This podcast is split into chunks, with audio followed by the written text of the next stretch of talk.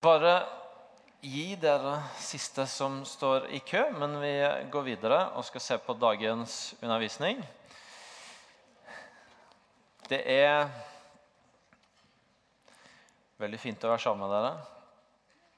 Etter nøye overveielse så har jeg bestemt meg for at jeg før jeg går i gang i dag, skal gjøre en liten øvelse i ydmykhet. Siden eh, jeg vet at jeg har brukt denne talerstolen noen ganger til å komme med litt sånn stikk til United-supportere blant oss, så skal jeg bare si gratulerer med dagen i dag. og uh, de av dere som ikke skjønte noe av det, har jeg ikke lyst Jeg trenger ikke å si noe mer om det. Jeg kan bare leve i uvitenhet. Det er helt greit. Uh, yes. Du, vi hadde ei fin helg sammen forrige helg uh, med Egil Svartdal. fått masse gode tilbakemeldinger fra dere på at det var fint å være der når han var på besøk hos oss. Og også fått ganske mange historier inn om at folk som vanligvis ikke er her i kirka, eh, var med og møtte det som var vår, vårt ønske med de kveldene og den helga. Nemlig at midt i ei tid med masse julestemning så skulle det også være en arena for å få møte evangeliet som jula handler om. Eh, så kjempekjekt å høre at det funka. Takk for tilbakemeldingene dere har gitt. Eh, og en liten heads up. Vi har booka Egil til desember neste år òg, så vi kommer til å gjøre det samme igjen. Eh, så det er bare å glede seg, selv om det er lenge til jul. Det er tredje søndag i Lenge til neste jul. Eh, tredje søndag i advent begynner virkelig å nærme seg denne jula. Eh, vi var ute og hogde juletre i går, og det er det tida på året hvor Hildegunn er ferdig med sine julegaver, og jeg har begynt å tenke på mine.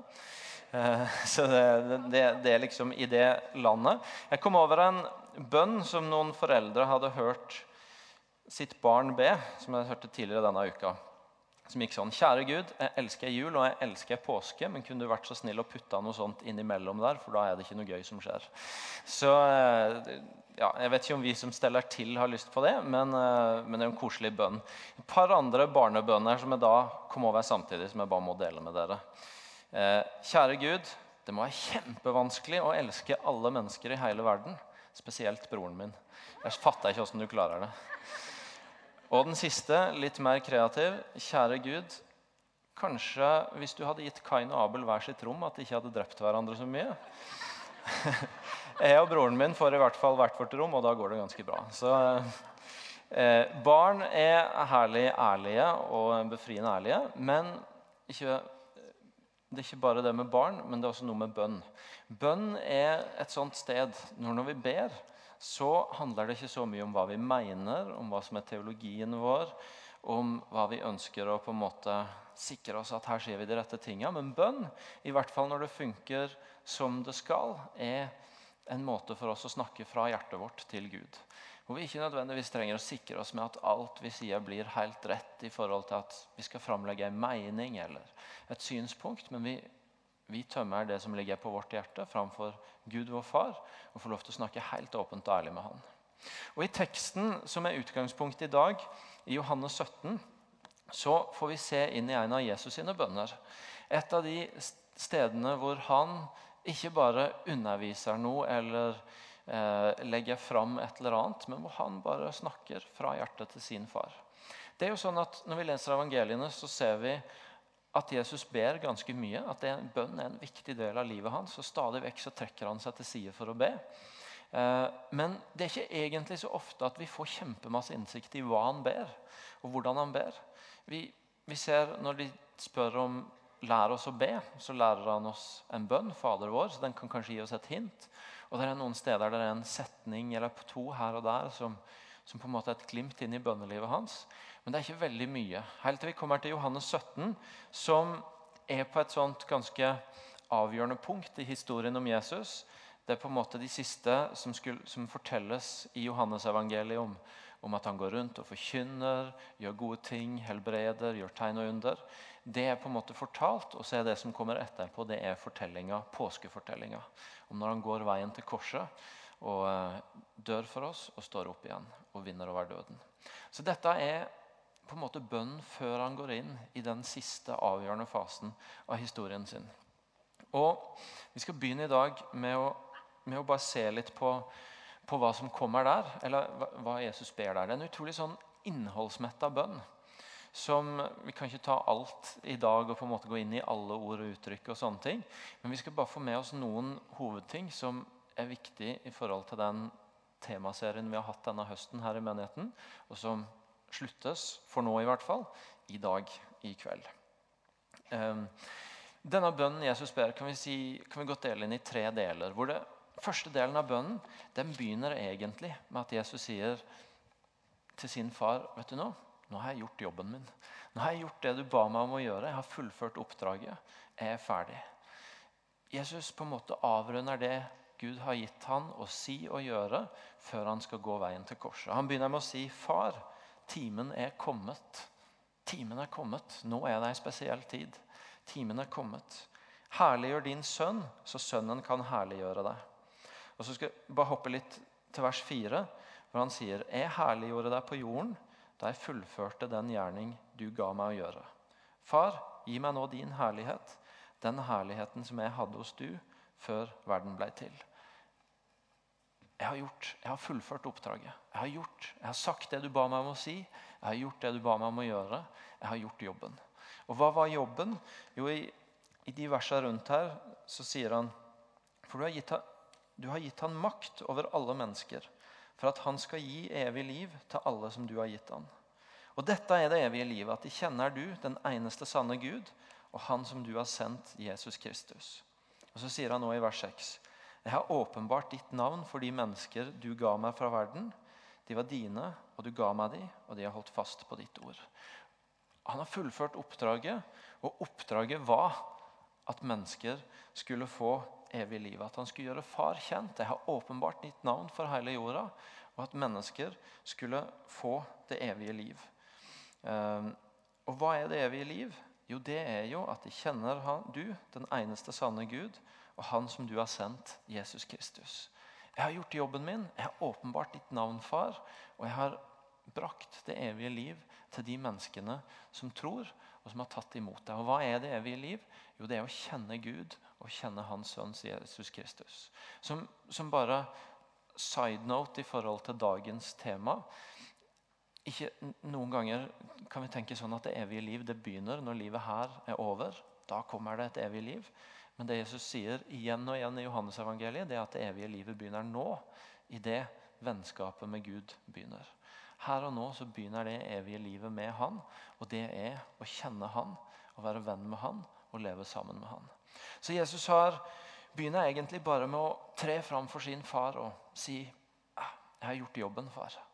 Og så fortsetter han med å be for de som han har åpenbart Guds navn. For de som har tatt imot, de som har fått dette evige livet. Som har blitt kjent med Jesus og med hans far og tatt imot de ordene han kom med. Han begynner å be i vers 9. Jeg ber for de. Jeg ber ikke for verden, men jeg ber for de som du har gitt meg, for de er dine. Han ber ikke for alt mulig og hva som helst, men akkurat nå så ber han veldig spesifikt for de som har tatt imot. De som hans navn har blitt åpenbart for, og som har fått dette evige livet, som har fått denne relasjonen. Og Hva er det han ber for de? Jo, han ber eh, Han sier, 'Jeg blir ikke lenger i verden, men de er i verden, og jeg går til du.' Hellige Far, bevar de i ditt navn, det navnet du har gitt meg, så de kan være ett, slik som vi er ett. Da jeg var hos de, så bevarte jeg de i ditt navn, det navnet du har gitt meg. Jeg passa på de, og ingen av de gikk fortapt, fortapt, unntatt fortapelsens sønn, så Skriften skulle bli oppfylt. Men nå kommer jeg til deg. Det første han ber om, er egentlig pass på de, bevar de. Så lenge jeg har vært her, så har jeg passa på de og bevart dem. Men nå skal jeg tilbake til du. Nå skal jeg forlate denne jorda igjen snart. Og da må du passe på dem. Jeg ber deg, bevar dem sånn som jeg har bevart dem. Jeg har gjort min jobb. Nå er det din tur. Pass på dem. Og så ber han Jeg ber deg ikke om at du skal ta dem ut av verden, men at du skal bevare dem fra det onde. For de er ikke av verden, slik jeg ikke er av verden. Hellige dem i sannheten. Ditt ord er sannhet. Som du har sendt meg til verden, har jeg sendt dem til verden. Bevar de. Og så ber han jeg vil ikke at du skal ta de ut av denne verden. Selv om han, vi hopper over noe verste, men der sier han noe om at de møter motgang. Han sier til og med så sterkt som at denne verden hater de. Men, men ikke ta de ut av denne verden. men pass på de, bevar de fra det onde. Og så sier han, som far har sendt meg, nei, som du har sendt meg til verden, så har jeg sendt de til verden. Pass på dem, la de bli i verden, men beskytt dem mot det onde. Og la de bli sendt til denne verden, akkurat som jeg har gjort. Med andre ord, la de få åpenbare ditt navn for denne verden, sånn som jeg har gjort. Sånn at mennesker kan få det evige livet som det er å bli venn med Jesus og med hans far Gud. La de bli i denne verden, sånn at de kan fortsette oppdraget. Sånn at når jeg har gjort min del, så kan de ta det videre og la nye mennesker få åpenbart hvem Gud i sannhet er. Det er hans bønn for sine, for de som han har ledet til tro, for de som han, Gud har gitt ham. Og Så fortsetter siste del av bønnen, hvor han sier Jeg ber ikke bare for de, men jeg ber også for de som gjennom deres ord kommer til tro på meg.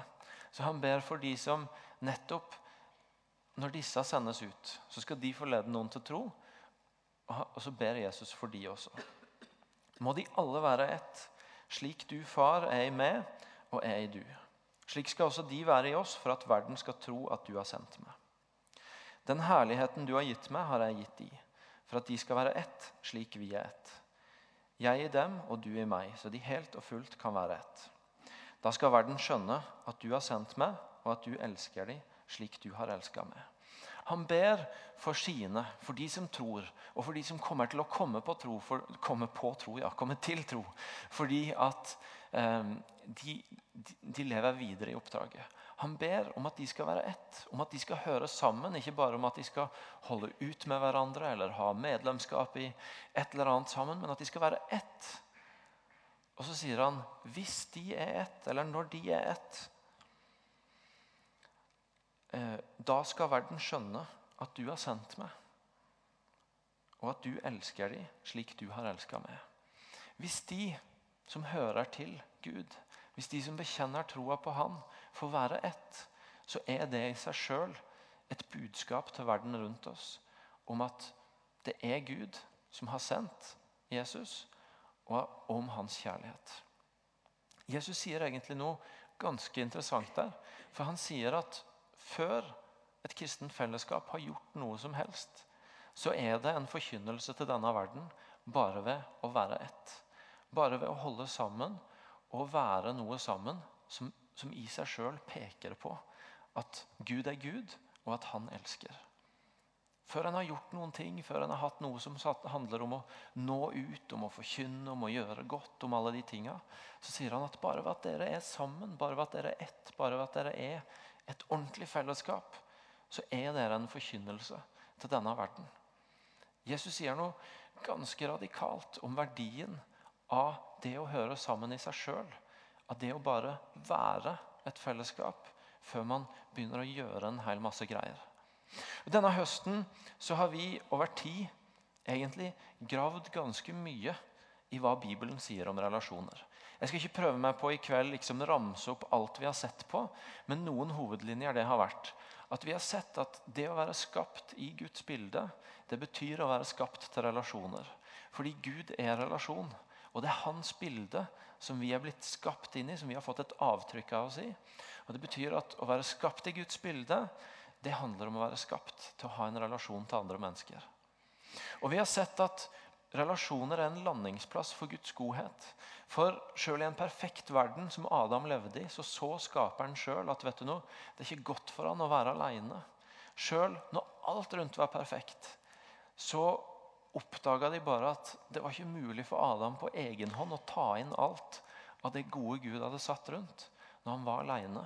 Han trengte noen rundt. Og Det forteller oss noe om at relasjon, relasjoner er en landingsplass for å ta imot Guds godhet. Og så har vi sett at måltidet i Bibelen blir et sånt spesielt uttrykk for dette. For at relasjon er en landingsplass for Guds godhet. Og Vi har både sett i Jesu liv hvordan han omtales som en storeter som igjen og igjen setter seg ned og spiser med folk. Og lar den arenaen av relasjon som er rundt måltidet, bli et sted hvor folk får et møtepunkt med Guds nåde og Guds godhet. Og så har vi også sett hvordan det enda mer konkret skjer ved at Gud dekker bord for oss, sånn som han har gjort i kveld. Hvor Hans nåde formidles gjennom nattverden.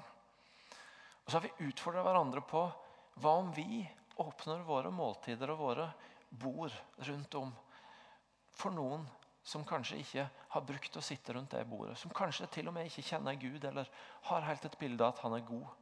Og ser om nettopp måltida, akkurat som det var når Jesus gikk rundt, også i vår tid kan være en sånn landingsplass for Guds godhet. Og Det har vært nydelig å begynne å høre historier som kommer tilbake fra dere om at dere har tatt utfordringa, en god del av dere. Og dere har åpna opp bordet, og dere har fortalt historier om hvordan det har brakt noe bra med seg. Og så har vi sett på hvordan dette fikk prege den første kristne kirka som vi møter i apostlenes gjerninger. Ved at I apostlenes gjerninger 2 står om hvordan de hver dag møttes i hjemma. Og Der spiste de sammen, der feira de nattvær sammen. Der lovpriste de Gud med glede. Og så står det at de var godt likt av alle. Og stadig vekk kom nye folk til tro.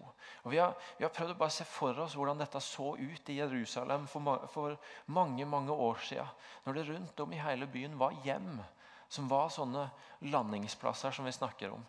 Hvor Hver kveld så var lysa tent, og så var det folk som samla seg rundt et bord.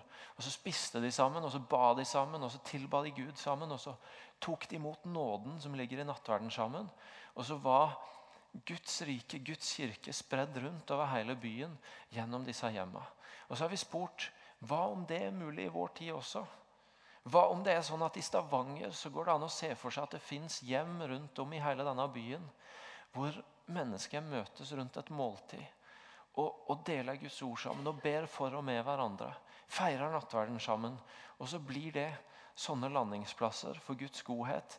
Ikke bare i en stor samling, i et stort bygg, men rundt om forskjellige steder i byen, i våre hjem. Og så har vi utfordra hverandre på å begynne å prosesse det.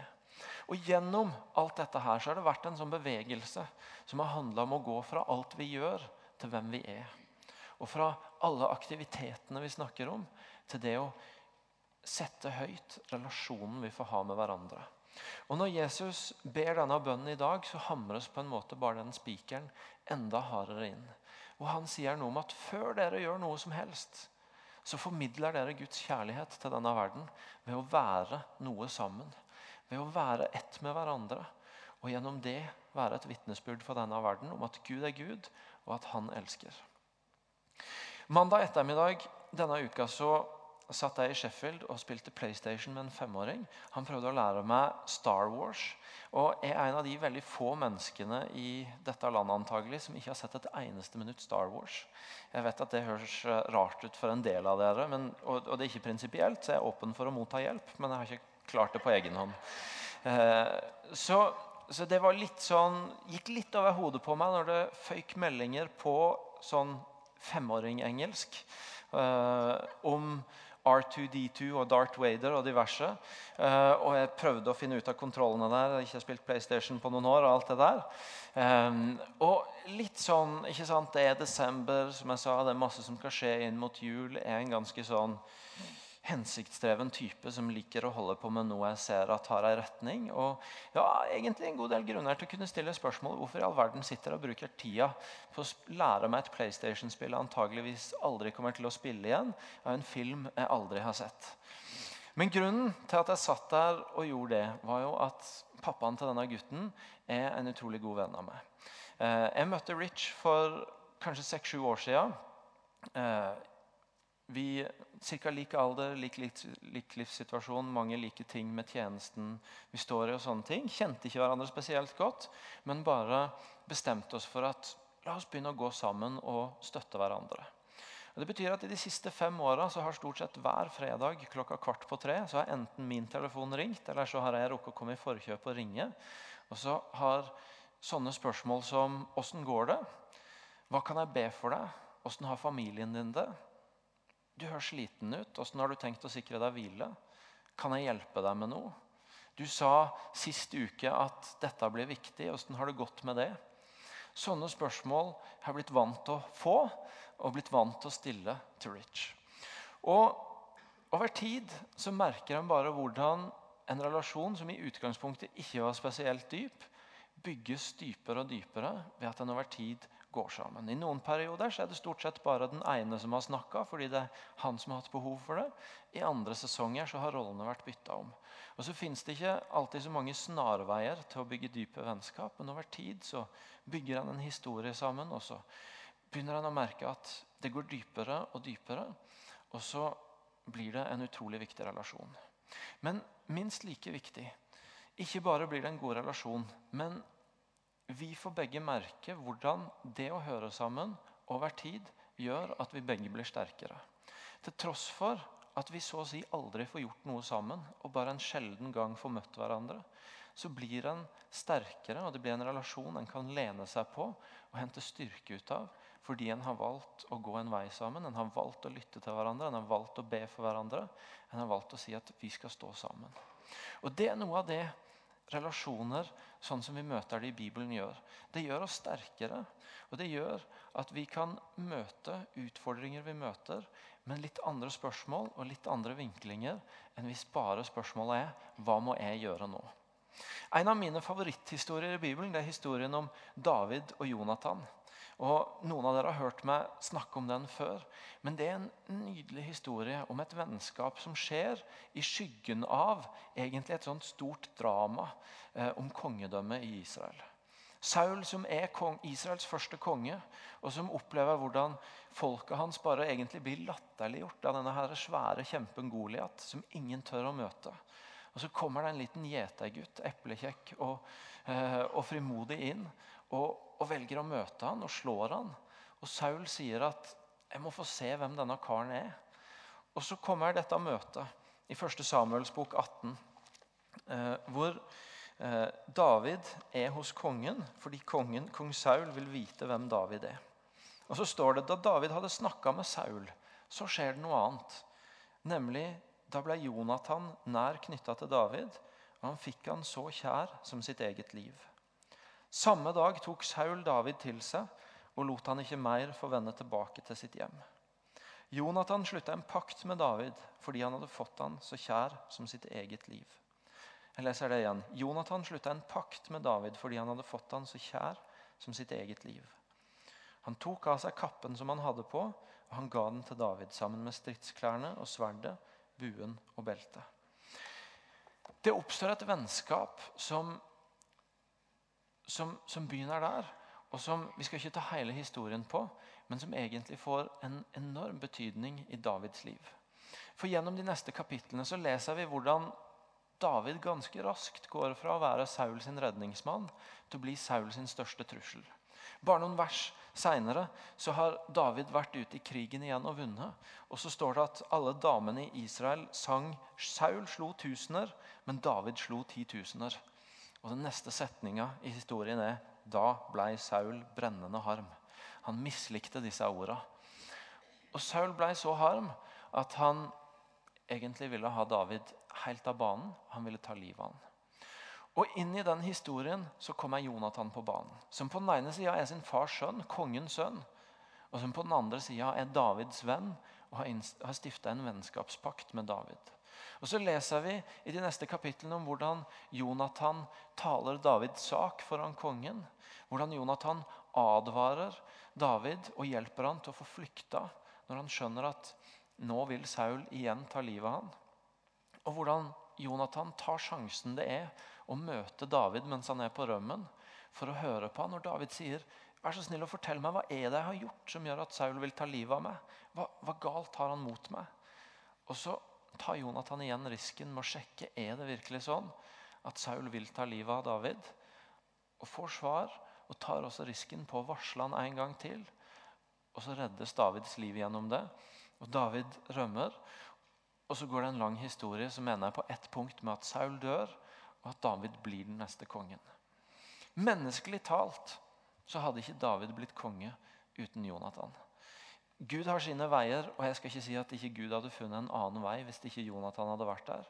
Men menneskelig talt, sett fra vårt perspektiv, så hadde ikke David blitt konge uten Jonathan. Uten en som sto med han, og som hjalp han i de avgjørende punktene. Jeg tror det er noe som Bibelen ønsker å fortelle oss, som Jesus ønsker å fortelle oss i bønnen i dag, og som historien om David og Jonathan forteller oss, som handler om at like ofte som vi spør om hva vi skal gjøre med livet vårt i forskjellige situasjoner, så trenger vi vel så ofte å spørre hvem er det vi skal høre sammen med. Hvem er det vi skal høre sammen med og hente styrke av, få råd hos, be sammen med, eh, sånn at vi kommer videre. Det er så lett for oss at vårt liv i møte med forskjellige ting handler om hva skal jeg gjøre med det? Hva, hva, er mitt neste steg? Hva er det jeg må utrette? Hva er det jeg må ta meg til for å komme videre? Og så er det egentlig noe utrolig nådefullt i Bibelen når vi lærer noe om at kanskje minst like ofte så er spørsmålet hvem skal jeg høre sammen med? Og så ligger svarene på de neste stegene ikke alltid i hva, men i hvem. Der er en klok mann som jeg har lært masse av å høre på, som heter Chris Walleton, som har sagt det cirka sånn at mange, spør, mange som spør hva de skal gjøre med livet sitt, hva som er Guds plan for dem, bør heller spørre hvem de skal høre sammen med, og så vil hensikten med livet de sitt åpenbare seg gjennom folka de hører sammen med. Mange som spør hva de skal gjøre med livet, hva som er Guds plan for dem, bør heller spørre hvem de skal høre sammen med. Og så vil hensikten med livet bli åpenbart gjennom de folka de hører sammen med. Det er også sannheten om mitt liv. Jeg kunne fortelle så mange historier om at det er ikke det at jeg nødvendigvis har visst en vei eller staka ut en kurs, men jeg har fått gleden av å høre sammen med noen folk. Og det har tatt meg til ting som jeg egentlig ikke klarte å forestille meg, eller nødvendigvis klarte å utrette.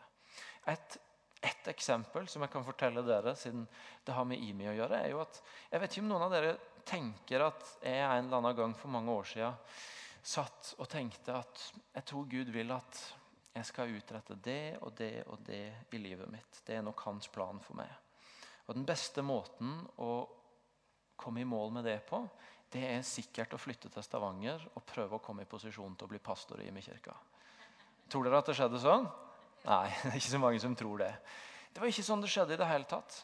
Det som skjedde var at En junidag i 2006 så gikk jeg på kafé i Kristiansand med han som var formann i ungdomskoret mitt hjemme der jeg vokste opp.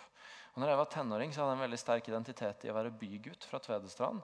Og Hvis noen har vært i Tvedestrand, så er det kanskje litt drøyt å tenke at han er bygutt. når han er fra Tvedestrand. Men siden koret var på Songe, som var enda mindre, så var vi veldig opptatt av det.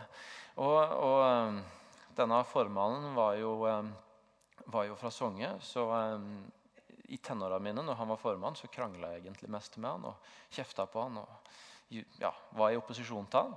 Eh, men siden så fikk vi sjanse til å plukke opp relasjonen. Og siden den gang så var han blitt daglig leder i Impuls.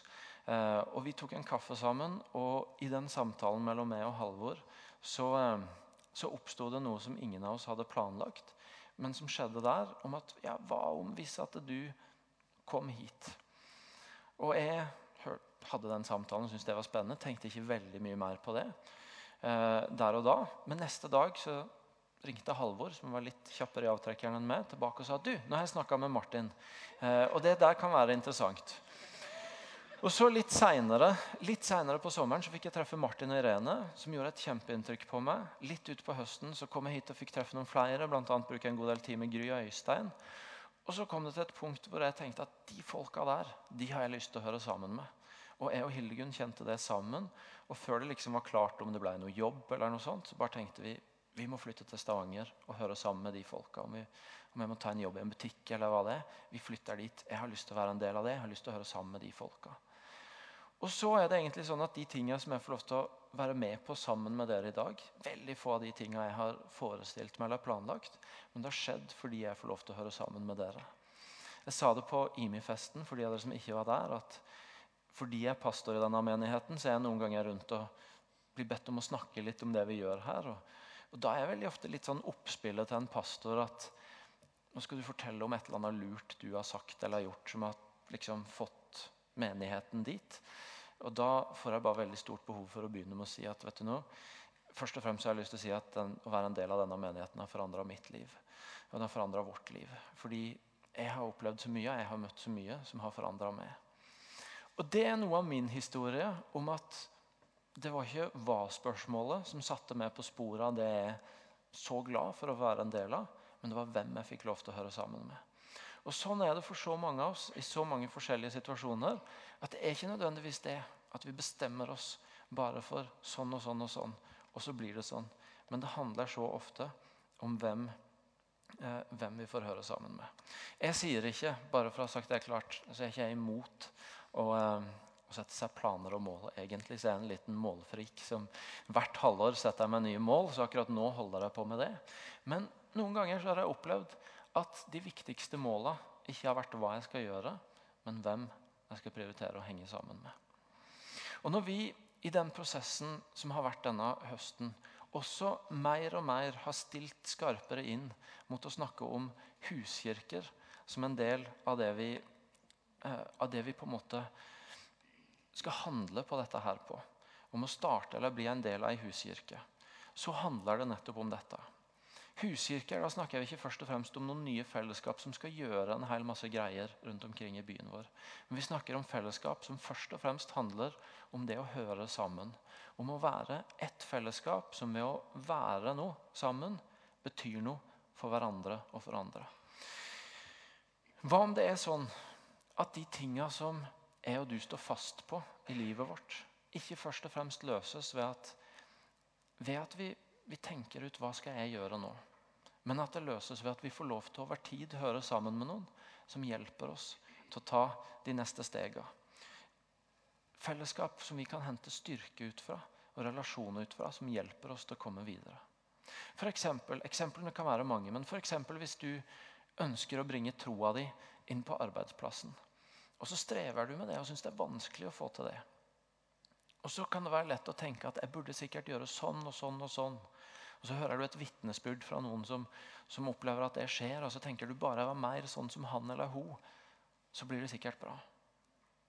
Hva om svaret like mye ligger i at du får lov til å høre sammen med noen mennesker som du kan spise med, be med, dele det du står i med, og oppleve at de ber for deg og lytter til Gud for deg og spør deg hvordan det går og backer deg i det. Og Gjennom det så henter du frimodighet og tro og ser nye muligheter som gjør at du kommer videre. Hva om spørsmålet ikke bare er hva du skal gjøre, men hvem du skal få høre sammen med, som gir deg frimodighet til å ta de stegene som du syns er vanskelig å gjøre på egen hånd? Eller for de av dere som er foreldre, eller oss som er foreldre. Og så kommer en situasjon vi har utfordringer med barna våre.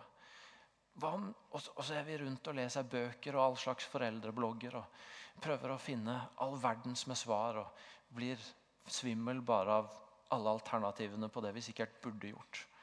Hva om svaret like mye ligger i å høre sammen med noen andre som kan gi noen input, og som kan be for, og som kan være noe for barna dine sammen med deg, og som over tid kan stå sammen med deg og hjelpe deg gjennom den fasen? Hva om også der ikke svaret alltid ligger bare i hva, men i hvem, og i over tid høre sammen med noen andre? Og, og sånn kunne bare eksemplene fortsette å bli gitt.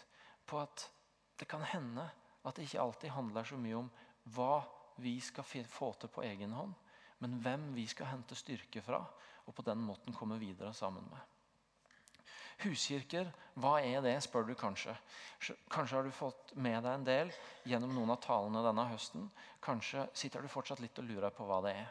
Jeg skal ikke kjøre noe sånn lang greie på det i kveld. Vi skal skrive ut noe som dere skal få, som gir noen rammer. Men enkelt sagt så er modellen Apostlenes gjerninger 2,46, hvor det står at hver dag så samla de seg hjemme for å spise, feire nattvær, tilbe Gud. Vi har tenkt at For en del av oss så kan det hende at det høres litt heftig ut å begynne med hver dag. Så en gang i uka er kanskje et mer realistisk sted å starte. Vi snakker om fellesskap som en gang i uka samler seg hjemme rundt et måltid. Hvor en deler noe fra Guds ord og deler fra sitt eget liv. og Så ber en for og med hverandre. Og Så feirer en nattvær sammen.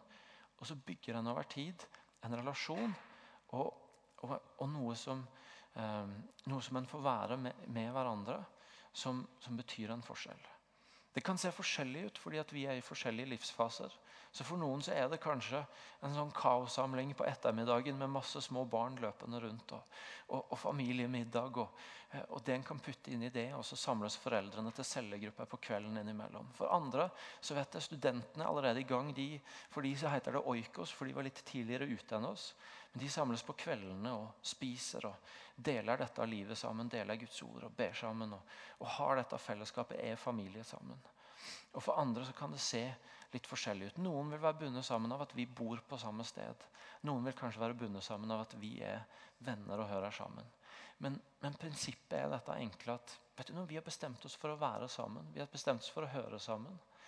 For å, for å bety noe for hverandre, sånn at vi sammen står sterkere til å gå inn i det Gud har kalt oss til. Hver enkelt. Og da er det noe nydelig i å inn i det ta med seg det Jesus ber for oss i Johannes 17. Nemlig at ved at dere er ett, ved at dere hører sammen, så er dere et vitnesbyrd for denne verden om Gud, at han er Gud, og at han elsker. Det er et så tydelig budskap om at vet du noe, det å leve i det Gud har for oss, det begynner ikke med hva vi skal gjøre, men det begynner med hvem vi skal få høre sammen med. Det begynner med hvem vi skal få høre sammen med, i at vi skal få kjenne Gud og Hans sønn, og gjennom det ha det evige liv som han ber. Og så begynner det med at vi skal få være ett med hverandre, og gjennom det, bare å høre sammen, være et vitnesbyrd for verden rundt oss. I en virkelighet jeg tror både jeg og du kjenner ganske ofte på at det er veldig mye som drar oss mot hva. Hva må jeg gjøre nå? Hva forventes av meg nå? Hva burde jeg gjøre nå? for å få mer ut av dette. Så er det egentlig noe utrolig nådefullt i at Jesus formidler hvem. Ikke hva skal du få til, men hvem skal du gi deg til? Hvem skal du høre sammen med? Og Det er enda et av disse stedene i evangeliene hvor vi sier at det å leve med Jesus det, være, det skal være enkelt å forstå, men utfordrende å leve. Vår Vårt problem er at vi ofte gjør det komplisert å forstå, men lett å leve. Det å gi seg til hverandre, det å bygge en sånn vennskap som det David og Jonathan hadde, det har jo en kostnad ved seg. Jonathan risikerte ganske mye for å stå med sin venn David gjennom alt det. Det hadde også en utrolig høy premie, for han fikk se at sin kjære venn ble kongen sånn som Gud hadde bestemt han seg til. Han fikk se at vennen hans fikk leve fullt ut i det Gud hadde salva han til å bli. Og Det er utfordringa og muligheten til oss. Å velge å gå for å være ett med hverandre. og høre sammen og finne en form på det som gjør at ikke livet vårt handler om alt vi skal mestre, men om å hente styrke fra å høre sammen med noen. Og Da utfordres vi på legge ned noe av livet vårt, sånn at Sånn at det er mulig. Og så inviteres vi til et helt annerledes liv. Hvor det ikke er vår styrke det kommer an på, men fellesskapets styrke det kommer an på. Skal vi reise oss opp og be sammen?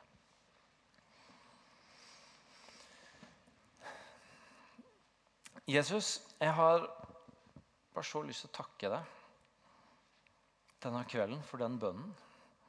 For at vi får lov til å kikke inn i ditt hjertespråk med din far og se at du er så opptatt av at vi skal bli bevart, og at vi skal få leve midt i denne verden som dine, og som noen som gjør ditt navn kjent midt i denne verden.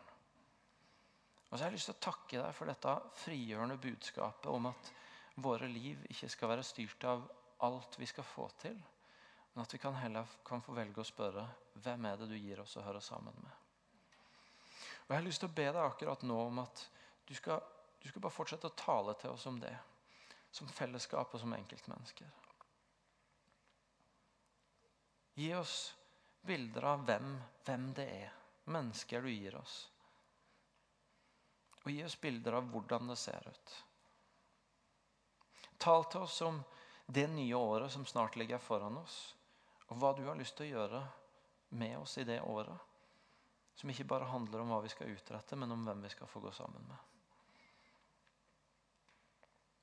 Kall ut de lederne i denne gjengen som, som, du har en tanke om at de skal få være med å lede inn i dette. Være huskirkeleder inn i dette, som, som, som legger en grunn, som, legger en ramme, som andre kan få lov til å komme inn og høre til i. Og se at livet blir styrka av. Sett nytt mot i de som syns at dette er vanskelig fordi, fordi det må gi seg til andre, og det må finne ut av det med relasjoner er komplisert. Bring, bring frihet og mot inn i det. og eh, Tal om en ny vei.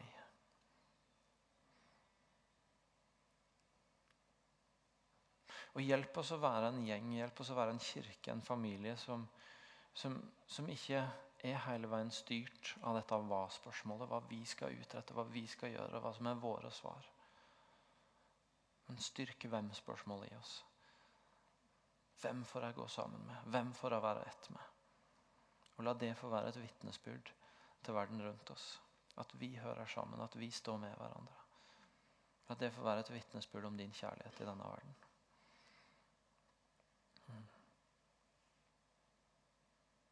Takk for at du taler til oss akkurat nå, far. Fortsett å tale til oss når vi nå begynner å tilbe. Um, og hjelp oss til å, til å ta vare på det du sier, og til å gå videre med det.